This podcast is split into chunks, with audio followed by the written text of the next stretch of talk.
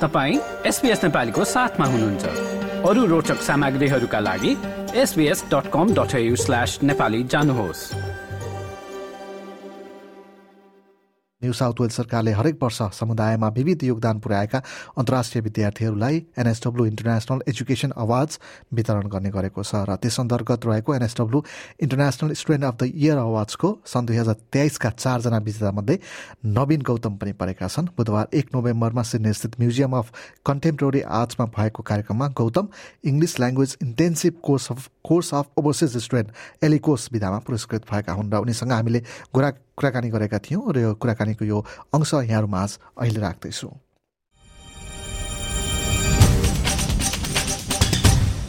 New South Wales राज्य जुन चाहिँ सिडनी अवस्थित रहेको राज्य हो यो चाहिँ राज्य सरकार अन्तर्गत रहेर चाहिँ अन्तर्राष्ट्रिय विद्यार्थी अर्थात् चाहिँ अन्तर्राष्ट्रिय एज इन्टरनेसनल एजुकेसन हेर्ने गरी चाहिँ स्टडी एनएसडब्ल्यू भन्ने एउटा बडी छ गभर्मेन्ट बडी छ र त्यसले चाहिँ प्रत्येक वर्ष न्यू साउथ वेल्समा रहेर पढिरहेका अन्तर्राष्ट्रिय विद्यार्थीहरूले समाजको लागि र यहाँको विशेष गरी यहाँको स्थानीय समुदायमा चाहिँ केही इम्प्याक्ट गर्ने खालको केही काम गरिरहेछन् भने वर्षै नै उनीहरूले चाहिँ एउटा अवार्ड दिन्छ। जुन चाहिँ एनएसडब्ल्यू इन्टरनेसनल एजुकेसन अवार्ड्स भनिन्छ।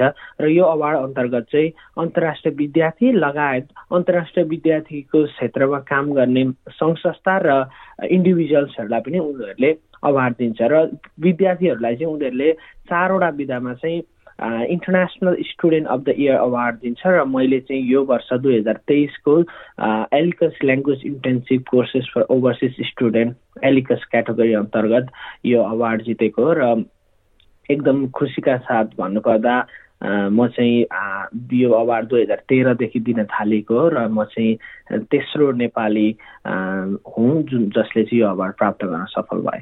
अनि अब यो अवार्डको बारेमा चाहिँ तपाईँले कसरी थाहा पाउनु भयो यो पाउनलाई कस्तो क्राइटेरिया थियो? दर्ता गर्नुपर्ने थियो कि कस्तो थियो? मैले योभन्दा अगाडि पनि करिब ट्वेन्टी ट्वेन्टी वानमा हुनुपर्छ मैले यो अवार्डको लागि आफ्नो नोमिनेसन भरेको थिएँ। तर म त्यसमा चाहिँ असफल भएको थिएँ। म फाइनलिस्ट पनि हुन सकेको थिइनँ। तर मैले निरन्तर यो अवार्डको बारेमा हेरिरहेको थिएँ। यसको लागि चाहिँ तपाईँ जहाँ पढिरहनु भएको छ आफू पढिरहेको एजुकेसन प्रोभाइडरले तपाईँलाई नोमिनेट गर्नुपर्छ।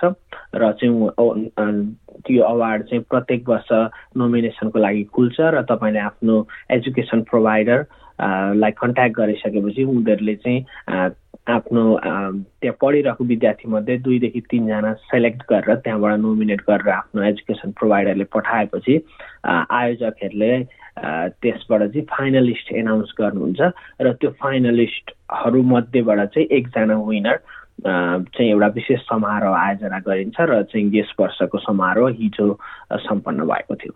हजुर अनि अब यसरी राज्य स्तरीय रूपमा अवार्ड पाउनु भएको छ तेस्रो नेपाली पनि भन्नुभयो होइन?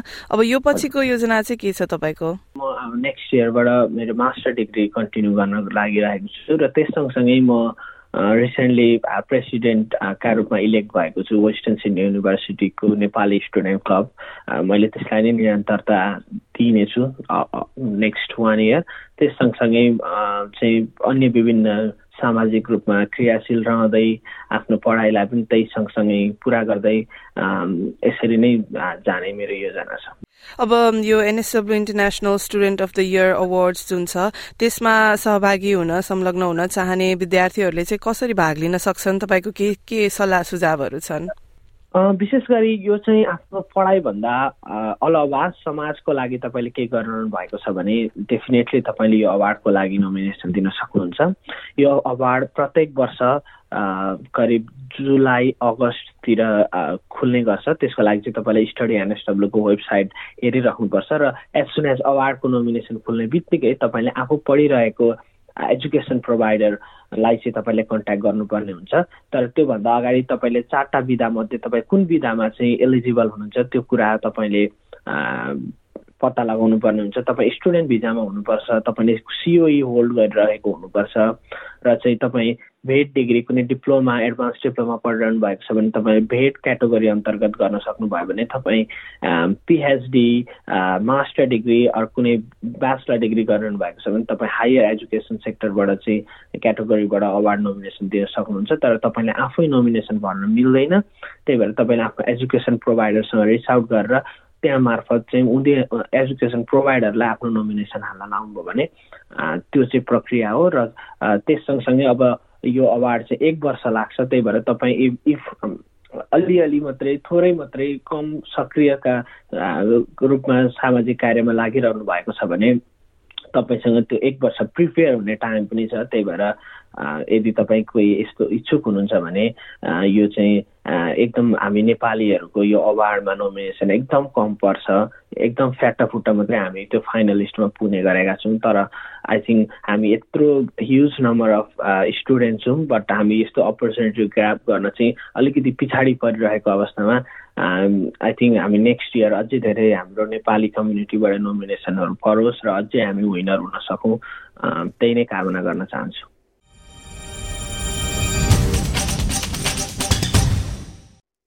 श्रोताबिन्द उनी थिए Navin Gautam New South Wales सरकारले दिने गरेको वार्षिक international student of the year award जित्न सफल तेस्रो नेपाली र उनीसँग गरेको यो कुराकानीलाई तपाईँले हाम्रो website S B S dot com dot au slash नेपालीमा गई वा आफ्नो फोनमा एसपिएस अडियो एपलाई निशुल्क डाउनलोड गरेर पनि सुन्न सक्नुहुनेछ। लाइक र कमेन्ट गर्नुहोस्। नेपालीलाई फेसबुकमा साथ दिनुहोस्।